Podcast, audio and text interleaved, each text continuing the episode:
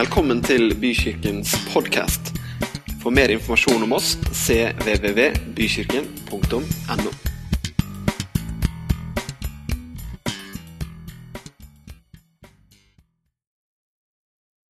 Du, det er med takknemlighet at jeg har liksom gått ut av 2018. Det er takknemlighet, en takknemlighet som går til Gud, først og fremst fordi at han er trofast, fordi at han eh, er nådig, og så er det en takknemlighet til alle dere. Jeg har lyst til å takke hver eneste en av dere som utgjør Bykirken, om du ikke har gjort det så lenge, eller om du akkurat begynt å gjøre det, eller hvor du regner deg på liksom skalaen inn mot den indre kjerne. Det spiller ingen rolle. Jeg er så takknemlig for hver eneste en av dere. Og så er jeg spesielt takknemlig til alle ledere, alle medarbeidere, alle som uke etter uke bretter opp ermene, og som gjør kirke sammen. Vi gir hverandre en skikkelig applaus faktisk for det, for det er, det er veldig, veldig bra. Ut av 2018 med takknemlighet, inn i 2019 med forventning. Av akkurat samme årsak som jeg var takknemlig for 2018, så møter jeg 2019 med, tak nei, med forventning. Fordi at Gud er trofast. Fikk du det med deg? Han er trofast. Han er full av nåde. Han er lojal. Han svikter ikke. Det er veldig, veldig bra.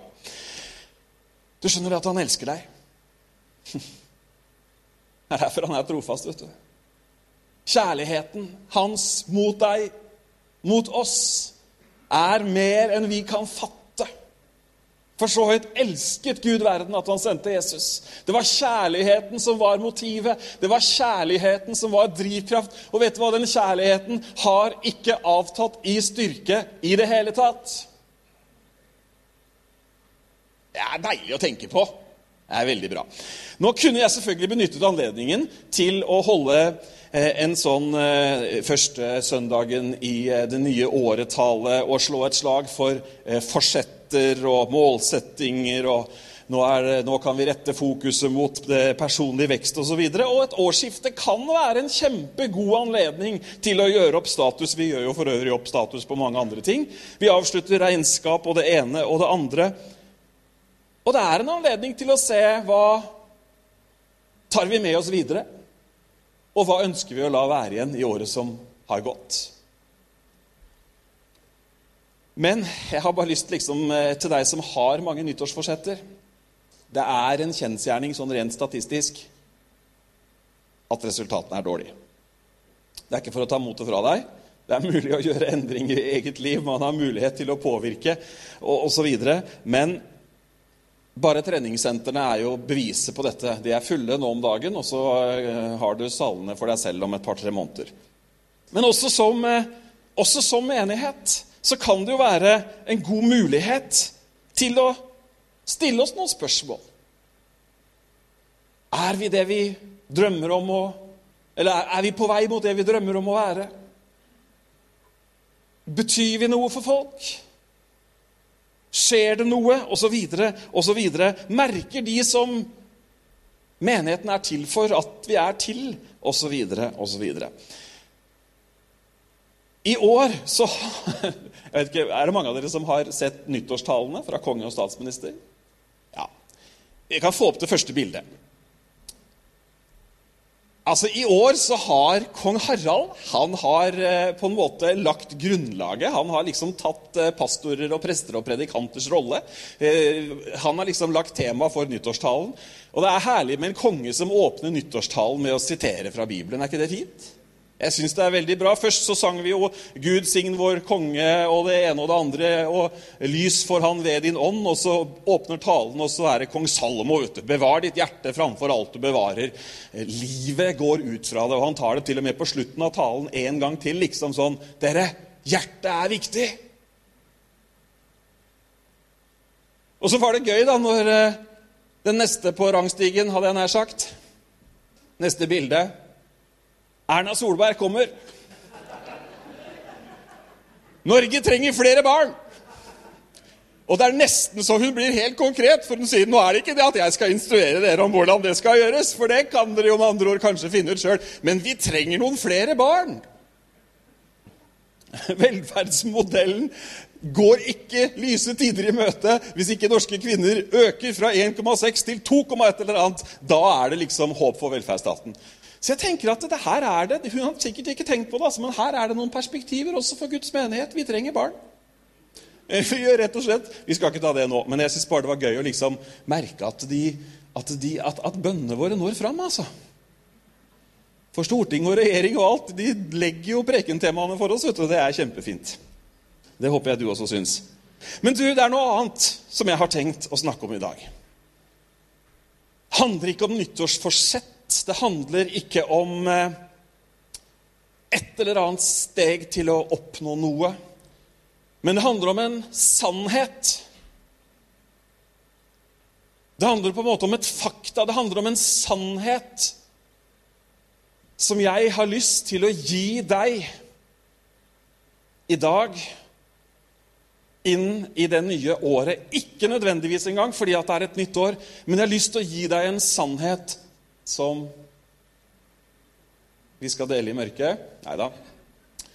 Men jeg har lyst til å dele noe med deg som, eh, som er utrolig viktig. Det sier jo vi pastorer nesten hver søndag, sikkert. Men i dag så rører jeg ved en, ved en helhet i livet som jeg er overbevist om at vil velsigne deg og vil være en viktig del av hver eneste dag framover om du vil det. Vi skal lese sammen i andre Korinterbrev, kapittel fire.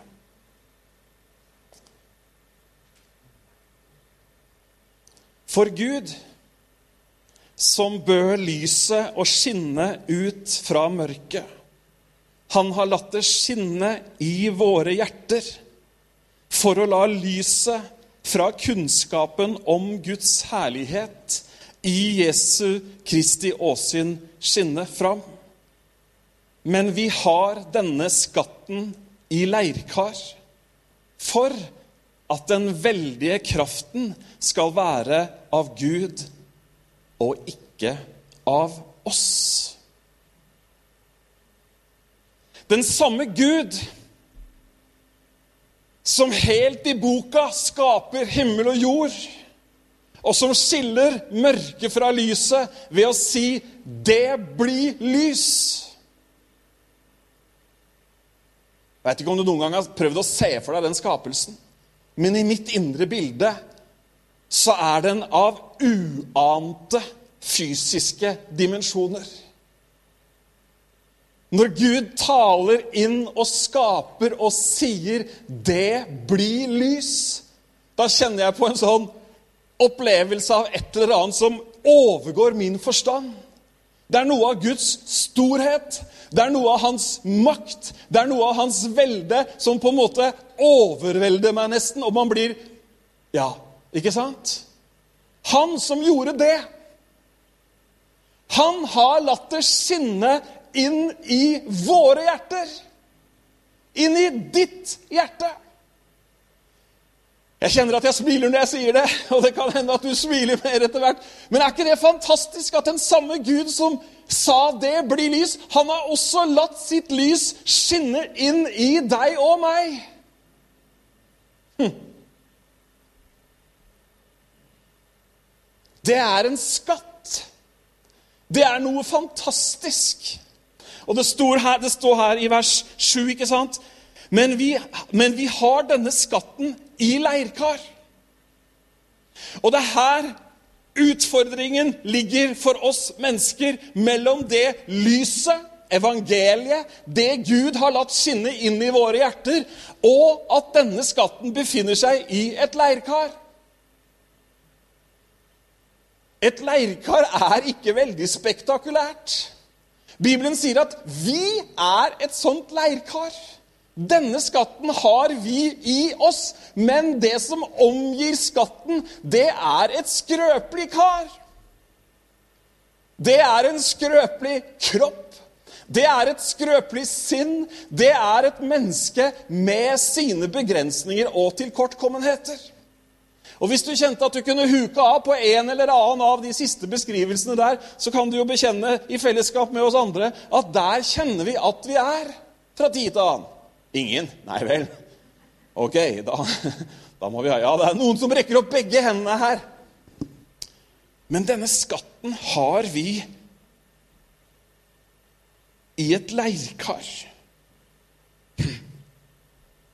Hva er et leirkar, da? Det er Leire er jo et fantastisk materiale. Altså, dette våte, klinete greiene som man gir en eller annen form, og så putter man den inn, man den inn i en ovn eller en eller annen innretning som gjør at, at det omdannes til noe hardt, noe sterkt, som kan brukes, men som likevel er så skjørt at det lett knuser. Har du prøvd noen ganger med tommelgrep eller med håndgrep å bruke all kraften du har i grepet, rundt en keramisk kopp for å prøve å knuse den? Nei, ingen har prøvd det? Nei, det er bra. De koster mye, vet du. Men den samme koppen som har den styrken i hånden, og som er, virker som, har som stein, altså kan ikke knuses Du kan slippe den fra noen få centimeters høyde ned i flisgulvet, og så er den i tusen knas. En annen ting ved disse leirkarene er at de har en tendens til å slå sprekker. Det morsomme med de mange ganger er at de slår sprekker, men de beholder formen. Men det er jo litt vrient å ha te da, i en kopp som det er en sprekk i. Ikke sant? Gud, som har latt sitt lys skinne inn i verden. Han har latt det skinne inn i våre liv. Vi har en skatt.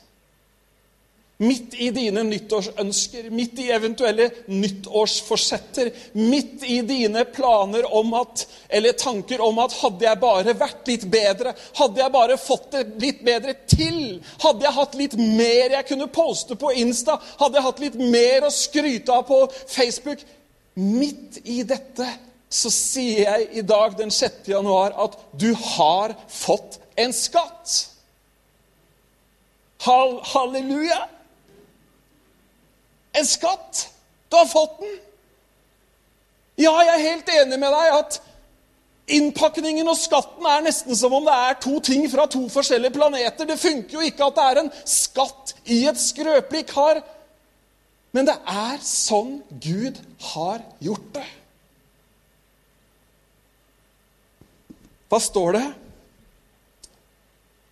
Vi har denne skatten i leirkar for at den veldige kraften kan være fra Gud og ikke av oss. Du skjønner, Hvis det er én ting Gud er veldig lite interessert i, så er det at vi tar hans rolle.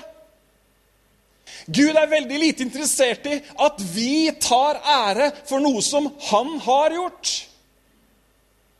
Hvis det var sånn at vi slo oss på brystet, vi hadde fått til evangeliet, vi hadde fiksa livet, vi hadde produsert frelsen, og vi hadde sørget for at det gikk an å oppnå det evige liv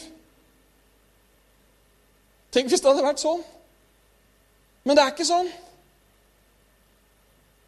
Gud, han kan bruke deg og meg, vi er skrøpelige kar. Men dere, han ønsker at denne skatten skal få stråle fram. Om det så er gjennom sprekker. Om så lyset fra denne skatten brytes av at det er en og annen deformitet ved denne ved dette karet. Vet du hva? Du har en skatt. Du har en skatt. Og Gud vil at den skatten skal deles. at det lyset skal stråle fram. Hvis skatten hadde vært i noe annet enn i et leirkar Hvis den hadde vært i en eller annen sånn eh, titanboks, eller hvis den hadde vært i en eller annen innpakning, eh, eh, en eller annen, et eller annet edelt tre eller noe fantastisk skinn eller noe gulltrykk eller et eller annet sånt noe, så hadde det vært innpakningen som hadde liksom vært interessant, og man hadde kunnet skryte av innpakningen. Men det er Det står i Bibelen at det er ingen av oss som kan rose oss. Vi er frelst av nåde. Vi har fått en skatt som handler om at Gud er nådig, som ikke handler om at du eller jeg har klart å få til noen ting. Jo, men jeg har fått til en del ting, da. Ja, det kan godt hende at du har. Men ingen av de tingene du eller jeg har fått til eller har oppnådd, kan gjøre noe med vår evighet. Det er det bare Gud som kan gjøre. Jeg vet ikke om du har gått rundt og tenkt på deg sjøl som en eller annen sånn leirekrukke eller et eller annet keramisk, en eller annen keramisk innretning. Jeg tror ikke det er så mange som gjør det. Men jeg tror vi alle kan kjenne oss igjen i at vi har svakheter. At vi har tilkortkommenheter. At vi mangler noe. Jeg tror vi alle kan kjenne oss igjen i det. Og da er det helt fantastisk at midt i det vi kjenner oss igjen i, midt i det som kanskje er det de rundt oss også ser, så har Gud gitt oss en skatt. Man skulle jo tro at han venta til glasuren var på plass igjen. For å være i sånn keramikerspråk. Man skulle jo, tro, man skulle jo tenke at liksom Ja, men det her må jo gjøres på nytt. Eller med andre ord, de må jo ta seg sammen. Eller de må jo få orden på dette. Jeg har en del ting jeg gjerne skulle fått orden på. Både holdt på å si si både fysisk og psykisk. Det hørtes dramatisk ut. Men jeg møter meg sjøl i døra, og det gjør du også, enten du nikker bekjennende eller ikke. Vi møter oss sjøl i døra i tilkortkommenheter, i relasjoner med andre mennesker, i samlivet, som foreldre, som arbeidstagere osv. Og så, så er det så mange ting som på en måte Det er så mange sprekker i det karet. Og Det er så lett for oss å tenke vi er i en sånn prestasjonskultur. Vi er i en nyttårsforsett-kultur, om du vil. Vi er i en kultur hvor det handler om å fremstå godt, hvor det handler om å lykkes. Og vi har, enten vi kanskje liker det eller ikke, en hel del idealer som vi ser opp til. Og mange av oss har helt konkrete ønsker. Å, jeg skulle vært som hun. Hadde jeg kunnet spille som han? Hadde jeg fiksa ekteskapet som de? Hadde barna mine vært sånn som de sine barn? Tenker vi ikke sånn av dere? I større eller mindre grad? Mer eller mindre ubevisst? Det farlige med å tenke sånn i forhold til Gud, i forhold til troen, er at vi drar den samme tanken over i relasjonen med Gud, og så tenker vi at vi driver med en sånn forbedringsprosess prosess for at Gud en eller annen gang i framtiden vil velsigne meg, vil bruke meg, osv., osv. Er ikke det sant? Men vet du hva som er helt sant? Det er at Gud han har gitt deg en skatt, og du har allerede fått den. Du har allerede fått den. Ja, men men Ove, skal jeg ikke Jeg har ikke fullført bibelleseplanen. Har ikke vært på gudstjeneste siden før jul. Jeg føler ingenting. Gud har gitt deg en skatt.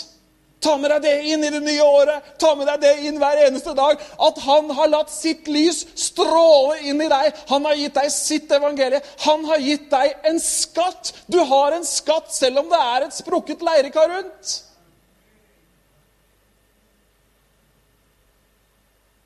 For at ikke det skal være noen tvil om at kraften kommer fra Gud.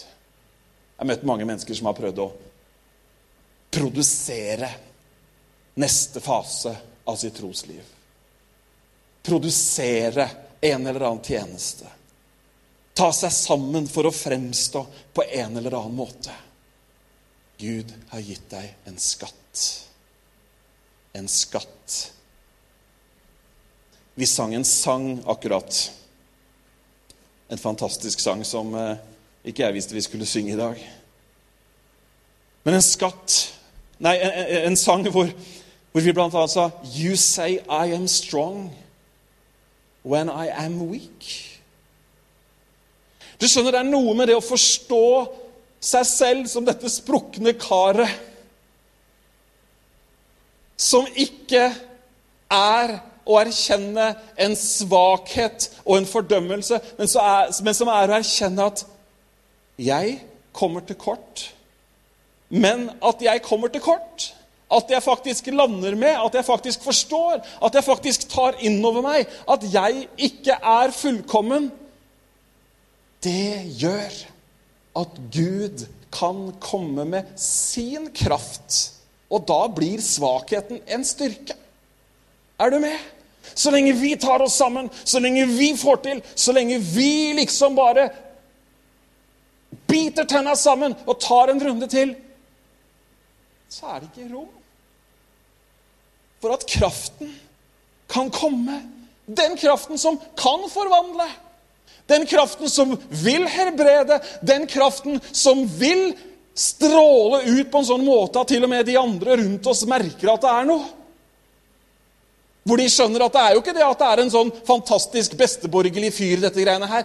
Nei, det er jo bare et vanlig menneske som har feil og mangler som meg. Men så stråler det noe fra denne fasaden.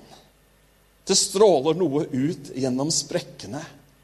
Og det er lyset fra hans herlighet. Det er lyset fra hans kraft. Du har en skatt. Du skal ikke prestere en eneste ting. Du har fått skatten.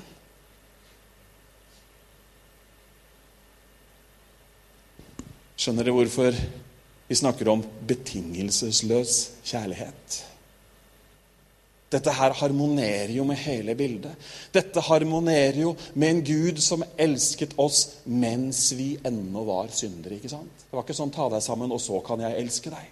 Dette, henger, dette harmonerer jo med en Gud som elsket menneskeheten så høyt at han sendte Jesus til jorda. Og dere, Jeg har tenkt, på det, jeg litt på det i jula, faktisk. Det er mye rart man tenker på. Men altså, han sendte Jesus til jorda men han sendte han jo ikke som et religiøst ikon eller som en pave eller som en patriark som skjuler seg i en eller annen hellig bygning. Har du tenkt på det? Er ikke det fantastisk? Han sendte han til jorda, og det var ikke bare at han kom til jorda og liksom hang med sjefene i byen. Nei, de sendte han til jorda til de som ingen andre ville henge med. Altså, de, de, religiøse fikk jo ikke dette til, til, å stemme. Altså, Han sier han er Guds sønn, og så sitter han og snakker med de prostituerte. Hallo? Den samme Gud. Han krysser murene. Han går gjennom den skrøpelige fasaden. Og så lar han alle de som tar imot han, få Han i seg, Kristus i oss. Skatten, kraften, herligheten, nåden, tilgivelsen. Er det ikke fantastisk? Å, jeg syns det er helt nydelig. Det er Gud, vet du. Det er han som har initiativet. Vi kan ta ansvar for andre ting. Vaske opp og vaske bil osv. Men vet du hva, du kan aldri forbedre ditt liv, ditt kristne liv, til et nivå som liksom Ja, nei, da er han fornøyd nok til å gi meg noe. Nei. Skatten er gitt. Er det rart å tenke på at du har en skatt inni deg? Hm. Vi har faktisk noe i oss som verden lengter etter. Det er mange mennesker som eh, Fordi karet har sprukket, fordi ting har gått i knas, så tenker de at da vil jo ikke Gud ha noe med meg å gjøre. Det er helt motsatt av hva Gud vil. Han kom for å frelse de som var fortapt. Han kom for å redde de som var utstøtt. Han kom for å helbrede det ødelagte. Han kom for å sette sammen bitene igjen. Og han er en Gud som er full av nåde. Han elsker deg, han har kalt deg, han har bruk for deg. Han vil være sammen med deg. Han vil være sentrum i livet vårt. Han ønsker ikke å være en del av søndagskulturen vår. Nei, han vil la denne skatten være drivkraften og livskraften hver eneste dag.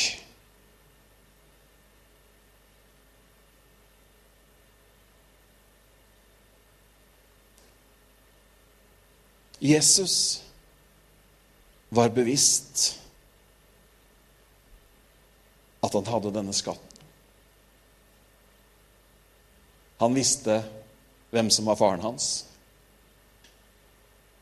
Apropos faren hans. Vi har jo en herlig liten sønn som snart fyller seks år. Og en dag vi ba i bilen, så sa han, 'Takk, kjære Jesus, for at du og faren din passer på oss.' Det er noe med det å ha den der relasjonen veldig klar og tydelig. Det hadde Jesus også. Hvordan skal vi be, da? sa disiplene. Hvilke formularer skal vi bruke? Si far. Si pappa. Jesus, Det står om Jesus at han var den første blant mange søsken. Blant mange brødre. Vet dere hvem som er de neste? Vet du hvem som er de mange brødrene og søstrene? Det er oss. Samme sønnekår. Samme datterkår. Samme, ba, samme betingelser. Selv om karet har sprukket, selv om vi tenker at karet er slitent, selv om vi tenker at vi ikke får det til. Skatten er vår. Han har gitt oss en skatt. Det står et uh, Skal vi se Det står i uh, Timoteus det kommer ikke på veggen, men jeg skal lese høyt for deg.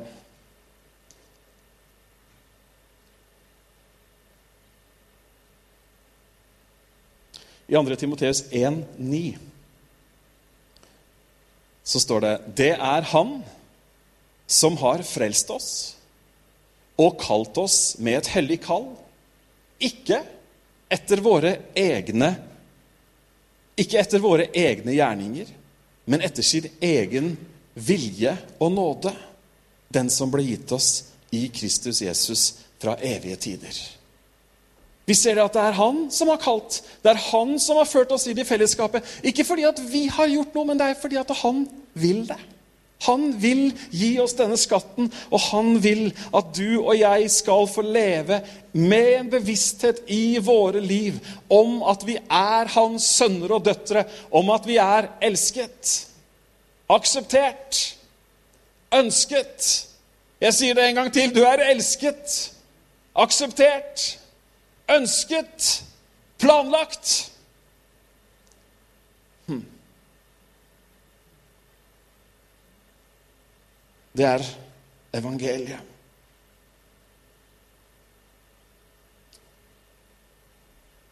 Hva om vi i dagene som ligger foran oss, omfavner og tar inn over oss det faktum at vi er svake, for å gi rom til hans styrke.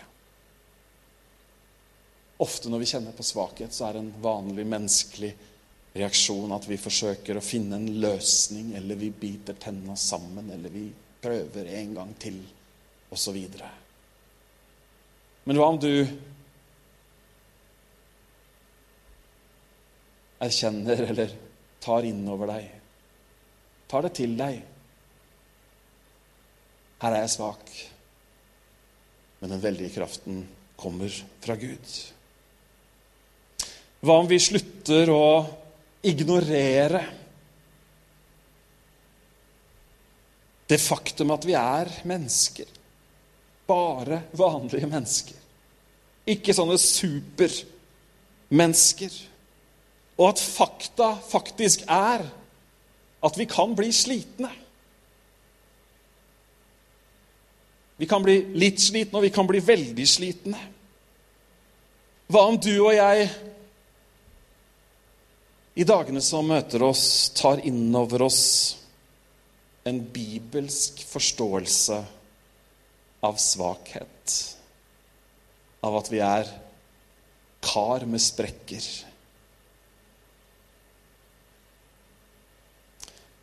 I Jesaja 40 så står det noe som jeg skal avslutte med. Det er bare så vanskelig å se de der taggene i Bibelen uten briller, så jeg må liksom Der var vi, vet du. Fint.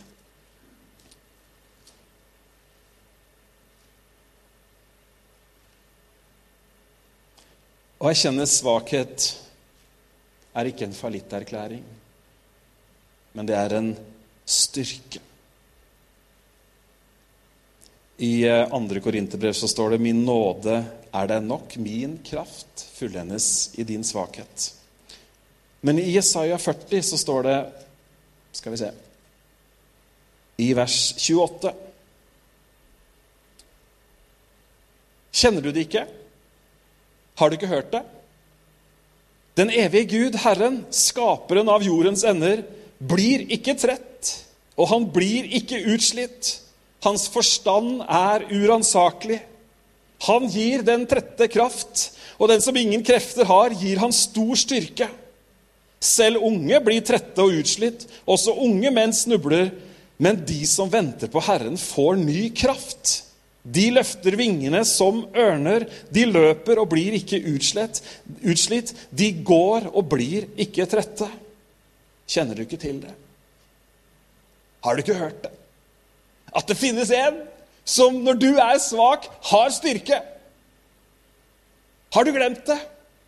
At det finnes en som når du åpner opp livet ditt og, er, og, og, viser at her er det svakhet, så kommer det en og tar den plassen, og han tar den plassen med sin styrke. Så kan vi gå videre, så kan vi tjene, så kan vi leve, så kan vi utbre evangeliet. Ikke i egen kraft, men i hans kraft. Han som er hodet, han som er lederen, han som fyller alt i alle. Du har fått en skatt. Og den skatten tas ikke fra deg, selv om det som omgir skatten, kan være skrøpelig. Skatten tas ikke fra deg, selv om det som omgir skatten, kan være skrøpelig. Så du kan være frimodig. Du trenger ikke å holde deg tilbake. Du kan ta et skritt fram. Du trenger ikke å vente. Du kan være og gå videre skal vi reise oss opp og be sammen.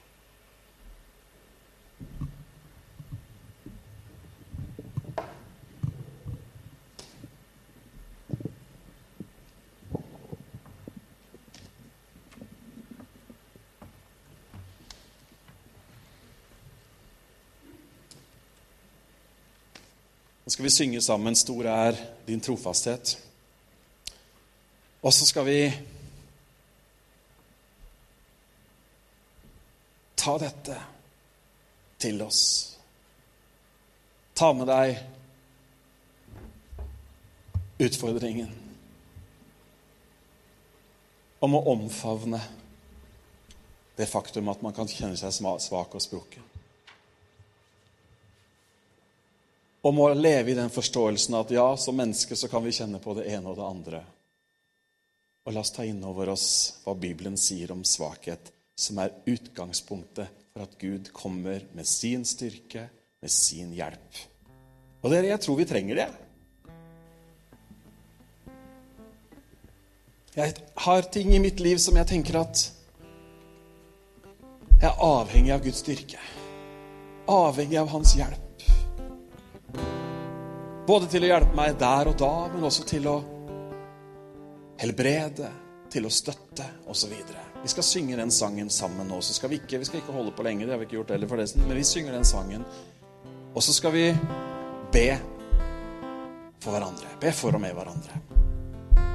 Så vi kan la det være åpent, så kan vi bare komme fram.